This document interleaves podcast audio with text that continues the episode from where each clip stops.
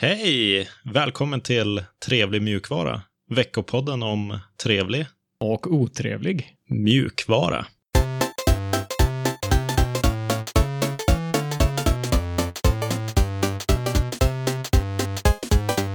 Jag heter Alexander och med mig har jag som vanligt Sebastian.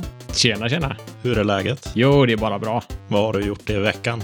Eh, I veckan så har jag programmerat en del, designat lite webbsidor, försökt hitta en bra note-taking-app och eh, flöde. Allmänt nördat mig. Vad hette den där grejen vi skulle börja med som hade med där man kunde designa komponenter och titta på dem och storybook någonting. Just det. Har du använt den? Nej, det har jag inte gjort. Jag har suttit och designat i Figma, som är ett prototyping-verktyg. Så man ritar en hemsida liksom.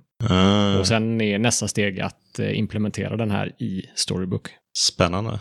Vad ska vi äh, prata om den här veckan? Då? Vi har våra nyheter. Sen har vi någon otrevlighet som jag är nyfiken på att höra mer om. Sen har vi lite bra tips i våra trevligheter. Och sen har vi lite uppdateringar på våra utmaningar och en liten meta-notering i slutet. Men först, nyheter.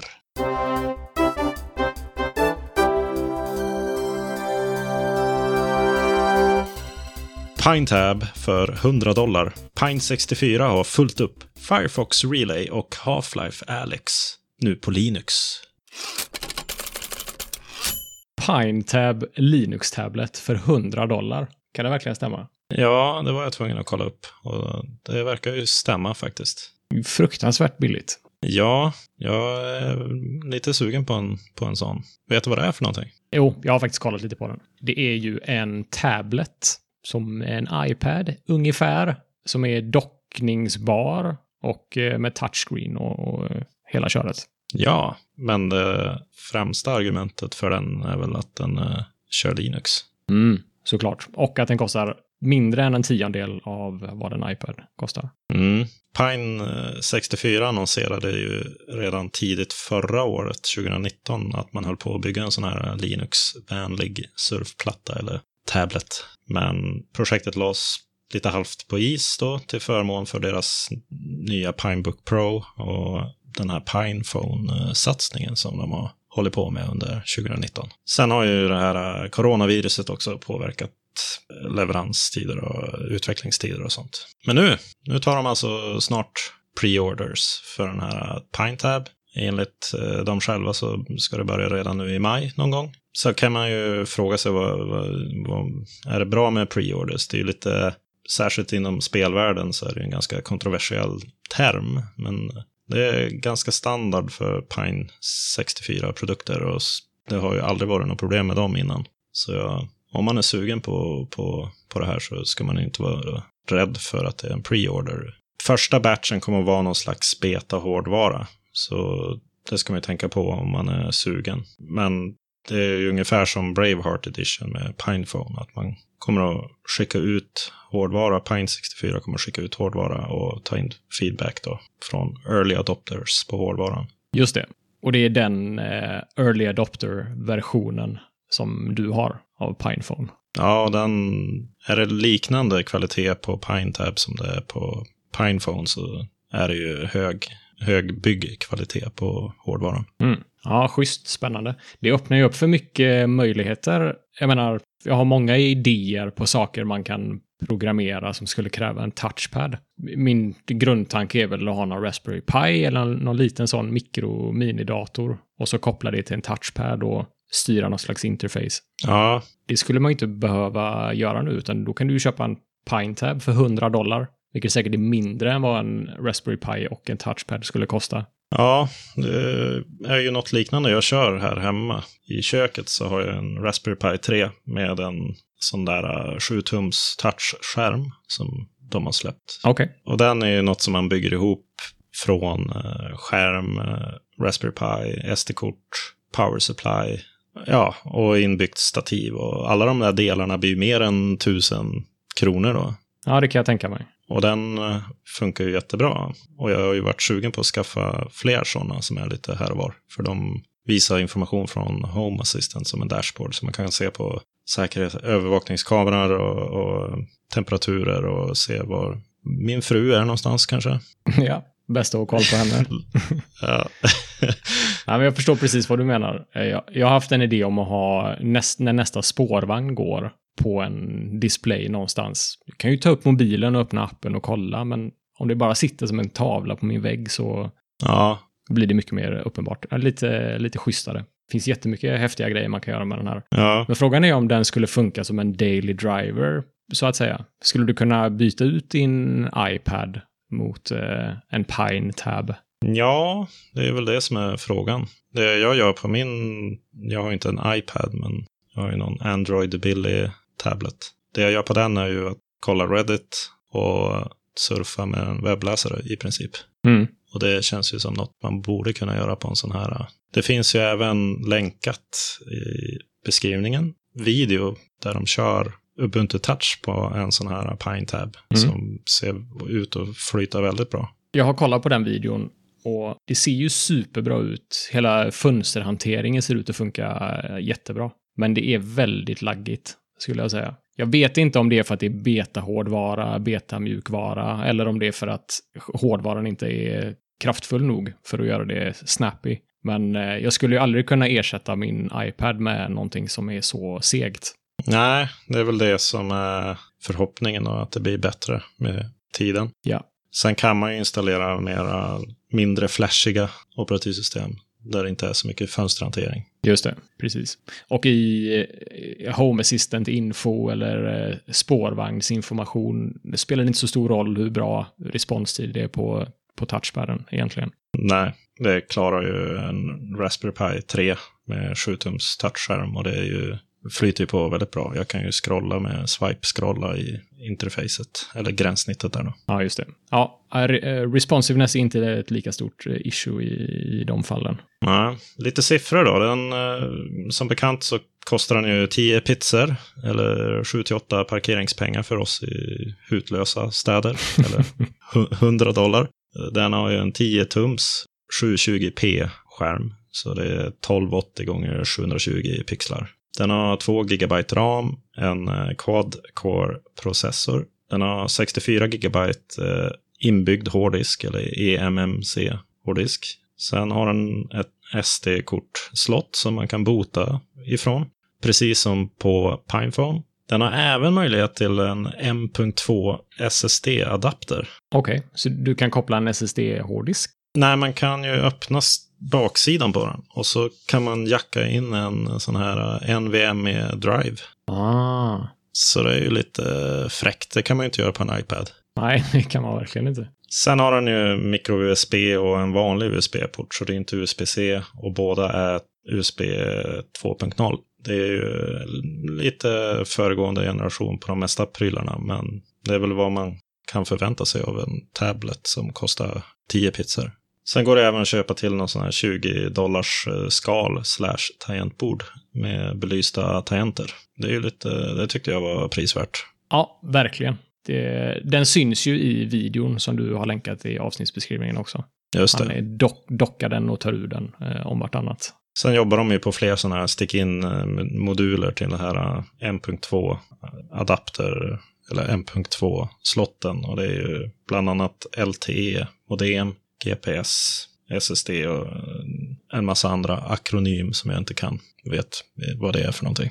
Okej, häftiga insticksadaptrar. Pine 64 har ju fullt upp med annat också. Ja, jag har förstått det. De har en eh, väldans lista på projekt som de håller på med. Ja, eh, våran vän Lukas Eresinki. Du slaktar hans namn. Det är ett gott, Ursäkta. gott försök. Ja. Han har ju släppt en sån här fullspäckad eh, community update på, på Pine 64s eh, blogg. Och där listar han ett gäng eh, grejer i en ganska stor bloggpost. Bland annat flyttar de sina egna hemsidor och andra tjänster till ett kluster av Rock Pro 64 enkortsdatorer. Jag tycker de här enkortsdatorerna är väldigt intressanta och jag funderar på att skaffa en eh, själv. Det är- ungefär som en Raspberry Pi fast med betydligt större möjligheter till expansion. Ja, okej. Och den kostar ju bara ungefär 10 till 20 dollar mer än en, en eh, Raspberry Pi 4, beroende på vilken modell man jämför med. Den har ju bland annat den här 1.2 insticksslotten, så man kan ju stoppa i en NVMe hårddisk där och få extremt snabb hårddiskprestanda. Ja, just det. På, eh, på en sån enkortsdator. I övrigt så har de ju skeppat en ny batch med Pinebook Pro och Pinephone. De bygger ju inte grejer konstant, utan de samlar upp ett gäng ordrar på sina saker. Och sen bygger de allting i, i fabriken när de har fått tillräckligt med ordrar. Och så får de ner priset på sakerna eftersom de bygger, producerar så många enheter i stöten. Och det går ju hand i hand med deras eh, pre-order-tänk också såklart. Samlar ihop ett antal pre-orders och sen producerar allt i en stöt. Ja, det gör de ju även med Pinebook och Pinephone och de produkterna som de redan har släppt. Sen har de ju jobbat med den här PineTab som vi redan har nämnt. De har en eh, fabriksimage av Ubuntu Touch som eh, de har börjat installera i produktion. Så man, får, man kan beställa en sån här Ubuntu Touch eh, eller UB-ports-variant av Pinephone som kommer förinstallera med Ubuntu Touch. Mm -hmm. Och så får man en UB-ports-märkt Pinephone med Ubuntu Touch förinstallerat. Ja, ah, okej. Okay. Någon liten ingraverad logga eller någonting. Mm. Snyggt. Sen har de jobbat på att göra det enklare att välja OS vid uppstart av Pinephone. Så det är lite mjukvara på, på gång där som gör det möjligt att byta distribution helt enkelt. Ungefär som... Eh, Grubbloader. Precis, ah. precis. Så det ser jag ju väldigt mycket fram emot. För jag vill ju testa alla grejer samtidigt utan att behöva ha en massa olika SD-kort och in och ut med dem och hålla på. Ja, just det. Det blir ju skönt. En annan grej som jag ser fram emot som de håller på att jobba på är ju eh, trådlös Qi, eller Qi, eller det är Qi man säger va? Ja, den laddningsstandarden. Ja, precis. Så man kan eh, bulta på sin Pinephone i efterhand. Aha, och för att möjliggöra trådlös laddning då? Ja, och det är någonting jag är extremt taggad på, för jag eh, har blivit lite småberoende av sån laddning det sista. Mm. Sen undersöker de även möjligheten till ett 5000 mAh batteri slash lock till Pinephone. Och det skulle ju laga batteritiden lite grann. Sen kommer man snart att kunna stödja individuella Pinephone-distributioner genom att köpa bakluckor till Pinephone med deras logga. Och så går en viss del av pengarna till eh, distro maintainers och kodare. Ja, precis. Sen eh, tickar Pinetime närmare.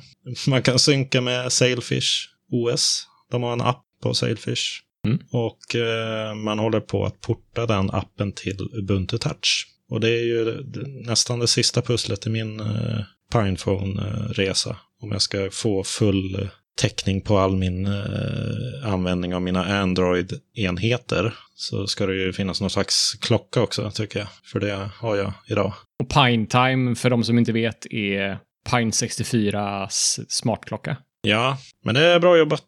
Kul att se. Ja, det tycker jag. Firefox Relay ska vi snacka om nu. Vad är Firefox Relay för någonting? Det är ytterligare en tilläggstjänst som ligger under eh, i, i Mozillas paraply. Och det är ett add-on som du kan installera i din webbläsare som gör att du kan skapa ett e-mail-alias med ett enkelt eh, klick. Aha. När du signar upp dig på tjänster eller sidor där du inte nödvändigtvis vill ha alla de där mejlen skickade till din vanliga e-mailadress. Eller om du är rädd av någon anledning för att dela med dig av din riktiga e-mailadress till eh, tjänster och sidor så kan du skapa ett e-mail-alias som automatiskt skickar vidare alla e-mail som skickas till den adressen. Kostar det pengar? Eller? Det är lite oklart i dagsläget. Det är en privat stängd beta just nu, så att den är inte släppt eh, live till allmänheten, utan den utvärderas. Mm. Nej, jag förstår. Det ju, finns ju en marknad för det där. Frågan är om den är tillräckligt stor för att utveckla något sånt här. Nej, det är en bra fråga. Det finns ju andra alternativ till eh, Firefox Relay, så det är ingen ny idé, så att säga. Men det är ändå lite roligt att Firefox gör en variant av den här idén för många användare litar på Firefox och de har någon slags trygghet i, i ryggen. Mm. Som gör att man kanske vill prova en sån här eh, när, den har, när den är Firefox-brandad. Så ja, vi får väl se vad, vad som händer med Firefox Relay. Vi kommer säkert få höra mer om det när det kommer ut mer info. Half-Life Alyx finns nu på Linux officiellt. Ja, Vad innebär det här då? Och det har med Vulkan att göra också. Ja, precis. Vi snackade ju för några avsnitt sedan om att Steam, eller Valve, lovade att Half-Life Alyx, som är deras nya virtual reality-spel, skulle komma ut på Linux snart. Och det har de ju, de har hållit vad de har lovat, helt enkelt. För att eh, nu finns det på Linux. Och det är genom Vulkan, som är ett grafik-API, Ja, som är ganska hett nu för tiden. som är ganska hett. Precis. Kul att se. Det är bra. Det tycker jag. Roligt att se att de håller vad de lovar. Även om jag inte tvivlade på dem en sekund. Nej. Nej, Gaben, han har, han har koll på sina grejer. Det var en stor uppdatering den 15 maj, där Half-Life Alyx släpptes till Linux som sagt, men även moddningsverktyg, en svit av verktyg för att kunna modda spelet släpptes. Och även Steam Workshop-stöd, vilket innebär att du kan ladda upp dina moddar och dina spelresurser på Steam Workshop, som är någon slags community för, för moddare och eh, de som spelar spelet. Då. Mm. Och det ska bli superspännande att se vad communityt bygger med de här moddningsverktygen. Det finns ju många bra exempel på när communityt har byggt häftiga saker. Counter-Strike byggdes ju som en mod från början, till exempel. Ja. Eh, Dota är också ett exempel som byggdes som ett mod av en community-medlem. Och nu är det, ja, har det utvecklats till världens största spel. Så eh, ja, det ska bli spännande att se vad de gör. VR är eh, häftigt och Half-Life Alyx ser eh, riktigt, riktigt fräckt ut faktiskt. Tyvärr så finns de här moddningsverktygen bara till Windows, men eh, Valve säger att det bara är först, det här som de har släppt nu den 15 maj, det är första betan av den här verktygslådan av moddningsverktyg så att säga. Så eh, jag hoppas att det kommer att komma ordentligt stöd på fler plattformar än Windows. Ja. Och är det någon som har testat eller hunnit testa den här Alex på Linux och kikat på prestandan? Jag har inte sett någon sån jämförelse. Det vet jag inte faktiskt. Eh, det de säger är dock att de rekommenderar en AMD GPU, alltså ett AMD-grafikkort. Nvidia fungerar också, säger de, men inte optimalt. För att Nvidia är lite efter när det kommer till stöd för vissa VR-features. Kul att höra att det äntligen finns på Linux. Ja, Kanske dags att varva med någonting lite otrevligare. Google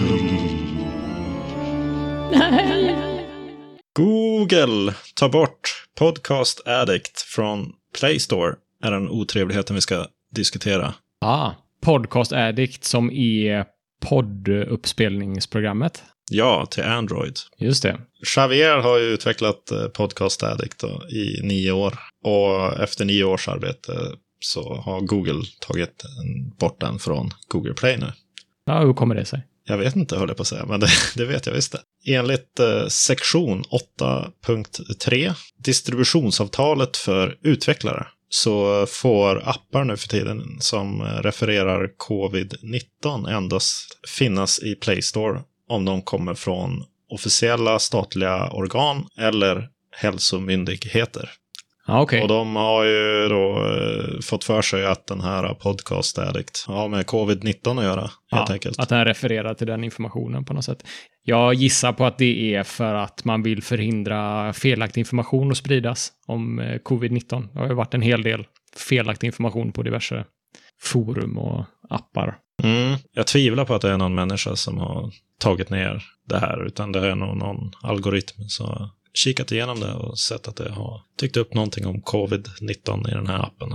Ja, just det. För den är ju bara en aggregator för andra personers innehåll egentligen. Precis. Så det kan ju inte de hjälpa att någon av deras, eh, någon av podcastsen som finns på deras plattform snackar om covid-19. Det borde ju inte de straffas för. Nej, han är ju lite eh, ledsen på Twitter, den här eh, Xavier, och skriver att Google kanske ska kolla sina egna appar också då, om de håller på med sådana här saker. För de har ju Google Podcast och de har YouTube och allt möjligt som också aggregerar covid-19-information. Ja, just det. Precis. Det är också lite märkligt att en app som har, jag kollade eh, nyligen, den har över 9 miljoner nedladdningar i alla fall. Att den bara kan tas bort automatiskt av en bot. Nu har inte Google kommit ut med någon officiell eh, respons på det här. Så man vet ju egentligen inte vad som har hänt. Men det känns ju som den rimligaste förklaringen. Mm. Ja, om man vill vara lite konspiratoriskt lagd. Det kanske vi inte ska vara i den här podcasten, men eh, det är jag ändå. Mm. På med foliehatten. ja, man blir ju lite orolig för att de vill pusha sin egen podcast-player istället för ja. populära alternativ. Jag tror det där sparkar ut åt andra hållet. Att de får sämre press. Ja, snacket på nätet har jag tagit reda på här. Och där säger ju folk att ja, alternativet Google Podcast är ju inte så bra. Det var ju dark mode tio år för sent ungefär. Ja. Man kan inte se längre än två avsnitt bakåt i många poddar. Ja, det stämmer ju knappt. Ja, ja, okej. Okay. Jag kör Google Podcast. Jag tycker att det är den bästa för mina behov. Folk eh, klagar på den automatiska ladda hem-featuren eh, också. Att den inte funkar klockrent. Nej, okej. Okay. Men den använder ju inte du, har jag hört. Nej, har de hört talas om mobiluppkoppling? Jag vet inte, jag har inte brytt mig om mobildata på fem år kanske. Det är on demand hela tiden. Vad händer om du hamnar ute i skogen utan täckning? det gör jag ju aldrig. Fantasiscenario. ja, men du måste vara förberedd. Tänk om du måste fly. Ja, ja. Och så har du inte laddat hem någonting. Nej. Om ryssen kommer eller någonting, så måste du ut i skogen och gömma dig ett tag. Jo, jo. Ja, då har jag nog större problem än att jag inte kan komma åt mina podcast. det är mitt argument mot det där.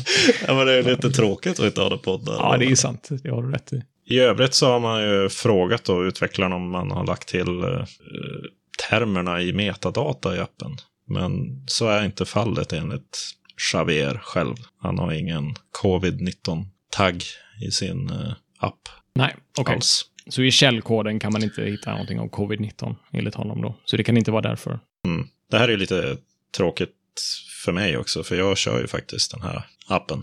Ja, men den funkar väl fortfarande på din mobil? Det är bara nya downloads, nya användare som inte kan hitta den. Ja, och jag får inga uppdateringar. Nej, just det. Ja, vi, men jag kan inte tänka mig något annat än att Google kommer att tillåta den att komma tillbaka. Annat, annat vore ju väldigt märkligt. Ja, om det inte är något som vi inte vet i den här historien som kommer komma fram sen då. Mm, vi får följa den. Eller jag kommer ju bli tvungen att följa den. Ja, det får vi göra. Ska vi gå över till något trevligare kanske? Det tycker jag.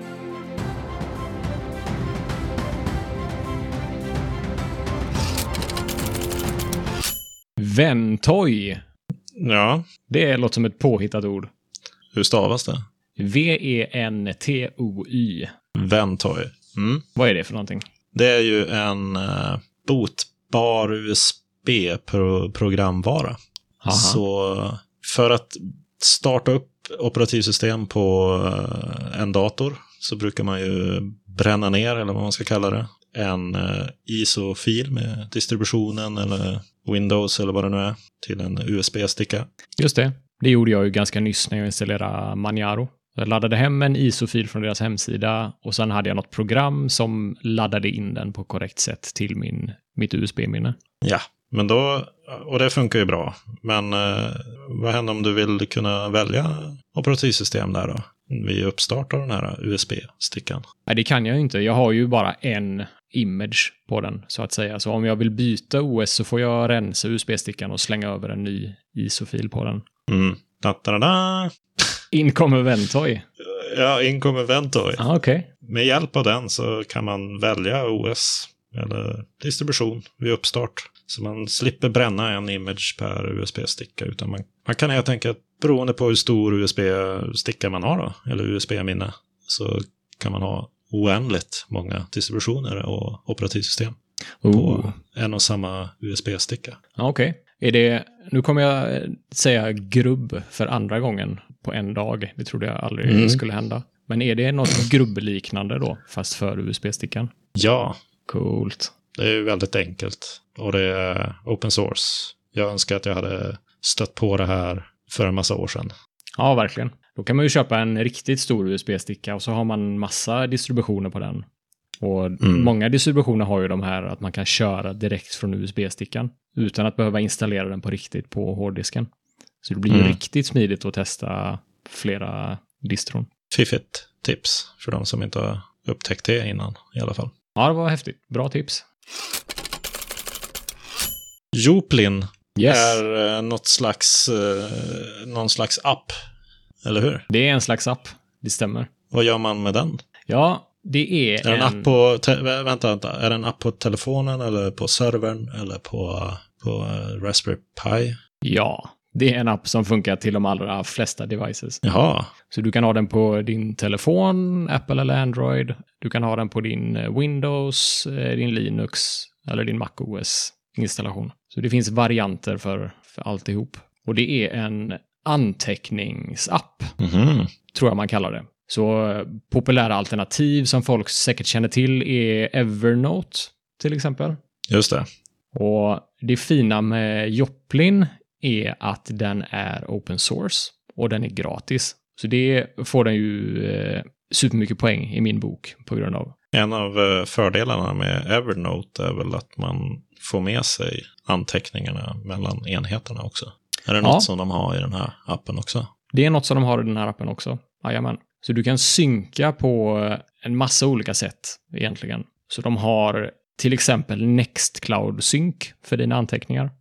Ah, Eh, Du kan också synka via Dropbox eller Google Drive tror jag. De har flera alternativ för, för synk av anteckningar. vad är det för sorts eh, anteckningar man skriver ner då? Det är i markdown-format. Okej, så Så om man har kollat på våra avsnittsbeskrivningar till exempel, så är de skrivna i markdown. det är ett lätt format för att få det lite strukturerat och sen kan man skriva ut det till något snyggare också. Just det, Mm. precis.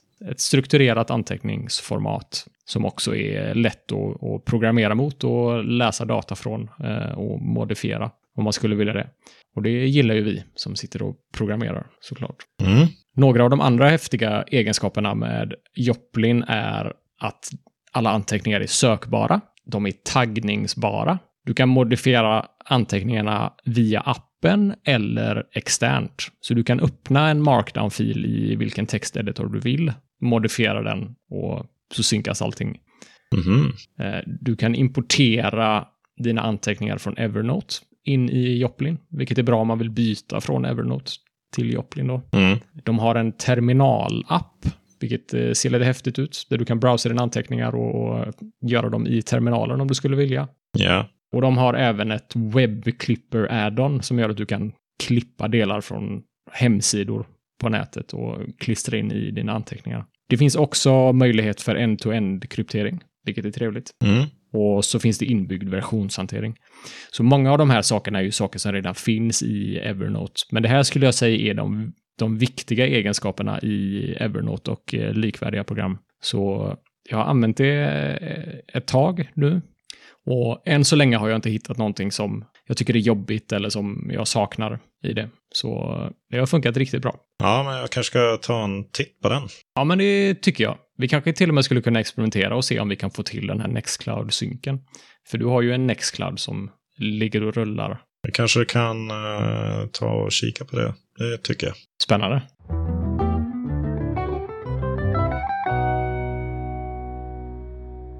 Utmaningar är det dags för nu. Lite uppdatering på din Pinephone, tror jag du har. Det är inte så mycket, men det är lite. Jag har installerat Ubuntu Touch igen. Ungefär Mm. sekunden innan jag läste att det skulle komma en sån här multiboot-programvara.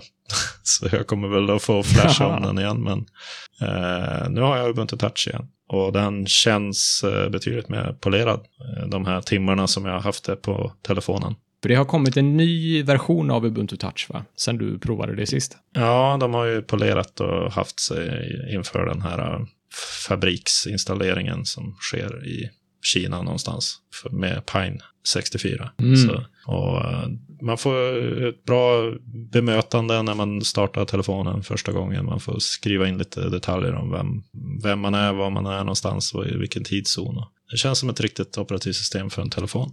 Nej, vad trevligt. Vad som var roligt att se att ett sånt här samarbete mellan Pine 64 och eh, Ubuntu Touch-gänget faktiskt genererar eh, en bättre produkt. De fick ju en liten Mm. push nu för att devices ska säljas med Ubuntu Touch förinstallerat. Mm. Och ja, det blir ju bättre för användarna i slutändan och det är vi ju jättetacksamma för. Ja, så jag, jag är lite sugen på att kanske, om det finns de chattapparna jag behöver, så kanske jag ska ge mig på och prova att köra den någon dag i alla fall. BankID då? Ja, den får jag väl installera på någon surfplatta eller något. Vi får se. Ja. Jag borde ju mejla dem som gör BankID och klaga på att de har lite dålig plattformsstöd. Ja, gör det. Det kommer du få ett poäng för i, i poängligan också. Ja, Det är ju definitivt... är det guld? Nej, inte guld. Nej. Eh, om du faktiskt fixar problemet så själv så kan du få ett guldpoäng. Men, Jaså? Ja. nej, men det är klart att någon ska kontakta dem och säga det. De kanske inte har någon aning. Nej, de, det, man, man måste väl börja höja rösten snart för att det är ju... Det känns som att alla antar att man har en Android eller iOS-enhet. Ja, precis. Nej, det får vi se. Så kan vi inte ha det. Nej. Ditt eh, Linux-äventyr eh, tågar vidare också. Ja, nej men eh, det körs Manjaro här för fullt. Och eh, Mm. det har moddats och eh, grejats som bara den. Börjar du känna dig, börjar du känna dig hemma? Ja, det gör jag faktiskt. Börjar känna mig väldigt hemma. Ja, kul. Det känns eh, jättebra. Det är inte så främmande egentligen.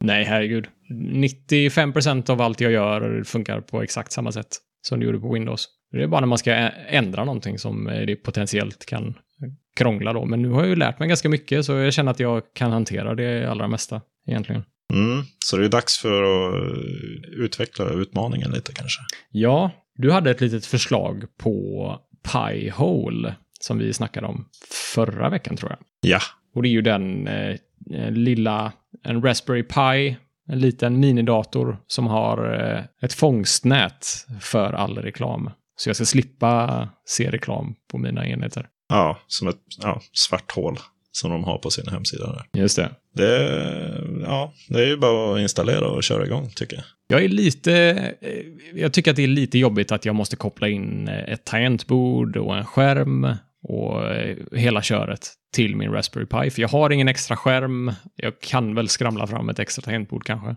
Men Mm. det är fortfarande mycket koppla in, koppla ut. Jag skulle vilja ha ett lättare sätt att göra det på. Och jag tror att det finns något bättre sätt att göra det på. Stämmer det? Ja, det beror ju på vilken distribution du kör. Men eh, Raspbian, som är den officiella imagen som Raspberry Pi själva bygger på och utvecklar, de eh, kan man sätta upp lite innan man installerar dem på Raspberry Pi. Så att man kan lägga in en fil på ett visst ställe så att man får SSH-access till Raspberry Pi. -en. Mm. Så det innebär att om man preppar lite innan man lägger över informationen på SD-kortet så kan Ja. jag styra min Raspberry Pi genom terminalen på min på Maniaro, på min Linux-installation. Mm, det ska fungera. Coolt. Kan jag få ett grafiskt gränssnitt också? Behöver jag något slags eh, coolt program då? Det får väl installeras lite grejer. Du tänkte köra remote desk desktop då eller? Ja, det var något sånt jag tänkte. Precis. Men det kanske jag inte Mhm. behöver. Jag kanske bara kan köra apt-get eh, piehole och så funkar allt. Du behöver inte ha ett grafiskt eh, gränssnitt för att installera Pi-hole. Det gör man ju via terminalen ändå, enligt deras guider. Ja, men då ska jag fasen försöka göra det. Det är lite häftigt Mm. att eh, ha installerat. Det är bara jag, bara jag som tycker det är häftigt säkert.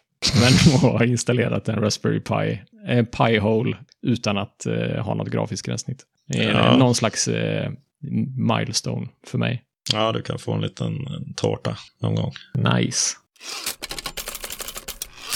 Här kanske man skulle kunnat diskutera Vim, jag vet inte, har du något att säga? Nej, jag tog vidare med mina plugins. Så jag har nog inget riktigt nytt att snacka om egentligen. Ja, det enda vi kan säga är väl att jag tror du håller på att vinna den här utmaningen. Jag får nog kämpa lite om jag ska komma ikapp. Ja, har vi något slutdatum? Ja, jag tror det var nästa vecka. Eller nästa fredag. Den här fredagen. Okej. Men ska, är inte vinnarvillkoret att man fortsätter använda VIM efter den här perioden har gått ut? Och då skulle du kunna vinna också? Ja, men jag känner mig som en förlorare ändå. ja. Nej, men det känns som att jag kommer in på andra platsen då. Men det, det är inte... Det, vi får se. Andra plats är silver. Det är inte dåligt. Mm. Ja, nu är vi i vårt sista segment som är vårt metasegment. Och där har vi ett tips från en eh, av våra telegramkompisar, Christer. Ja, han eh, kom med ett tips på Unix stickers. Så man kan köpa klistermärken för en tiondels pizza. Det är ju... eh, Du eh, räknar alltid pizzor numera. Ja, men det är det man kan... Man får liksom en, förståelse för värdet Ja, av okej. pengarna. Ja. Det är Hundra Eh, så tuggummin. Ja, Nej, det är ju lite mer 90-tal va? inte hundra tuggummin. Tio tuggummin. Ja, de har bytt dyra. I alla fall, en, en euro En euro, okej. kan man köpa sådana här klistermärken med, med Tux och andra maskotar som har med Linux och open source att göra. Det är inklusive frakt. Ja, det är ju fantastiskt. Det är ju superbilligt. 10 spänn har ju vem som helst eh, råd med. Ja, så jag har köpt ett gäng sådana faktiskt. För jag har länge velat ha någonting sånt. Så nu jag, fick jag en anledning att skaffa dem. Jag har också köpt hem en sån. Ska du stickerbomba din eh, ThinkPad nu då? Jag vet inte, den är clean. Jag får se. Jag ska fundera på det. Vad innebär att stickerbomba? Är det att klistra på jättemånga klistermärken? Ja, så att det är som, en, som ett skin nästan. Men sånt där måste ju ske organiskt. Annars så ser det ut som att du försöker för mycket. Du får ju ta Jag- max, max tre stycken klistermärken från det här sättet. Och så får du vänta lite. Ja, så får jag gå på några konferenser Ja, och grejer. Och, precis. Mm, jag får se om jag ens kommer klistra dit någon. Ja, det finns ju många andra roliga ställen man kan sätta sådana klistermärken på. Du kan väl gå runt och ta- tagga på stan. Göra Linux känt på busshållplatser och andra ställen. Folk kommer bara tycka att det är någon som har klottrat med någon ful tjock pingvin. Ja, kanske. Men eh, det verkar ju vara någon deal, för det kostade ju 8 euro egentligen. Men nu var det någon special deal som eh, gjorde att det kostade 1 euro. Så nu får man ju skynda in där på hemsidan. Ja, just det, innan de tar slut. Mm. Tack Christer. Tack, tack. Det var all trevlig Och otrevlig. mjukvara vi hade för denna veckan. Hör gärna av er till kontakt trevligmjukvara.se. Och följ oss på ett trevlig mjukvara på Twitter och Mastodon om ni vill fortsätta diskussionerna eller ge någon annan input. Vi har ju telegramkanaler också och en hemsida som man kan gå in på. Vi hörs nästa vecka. Trevlig mjukvara på er. Trevlig mjukvara!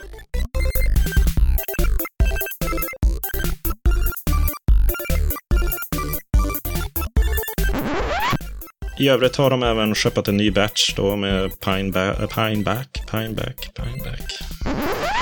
I övrigt så har de ju köpat en ny batch med Pinebook Pro och Pinephone. Och det kan ju vara intressant att förklara varför det är värt ens att ta upp. Ja. Förklara det. Ja, jag ska vänta. Mm, just det. Så det är en av anledningarna till att han... Mm, just det. Jag säger det en, gång, en gång till. Mm, just det är så fejkat. Kan du, kan du försöka göra det? Ja. Kan du? Okej, bra. Försök hålla det bara. Okej, ska Okej. Okej, sitt- nu så. Jag bara.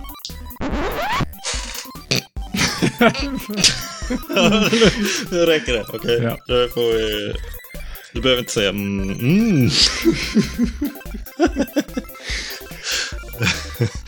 Och går upp på det så är du immar åt. Nej, jag vet precis vad jag ska säga. Ja, men gör det då. De har ju även den där M.2-slotten som vi pratade om i PineTab. Seg- Hur är det med dig? Det Ah. Helt okej.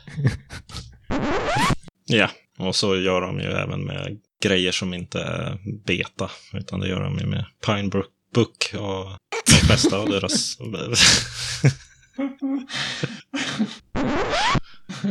Ska vi vänta lite? I'm gone man. Det går inte det här. Tredje gången du säger Pinebrook istället för...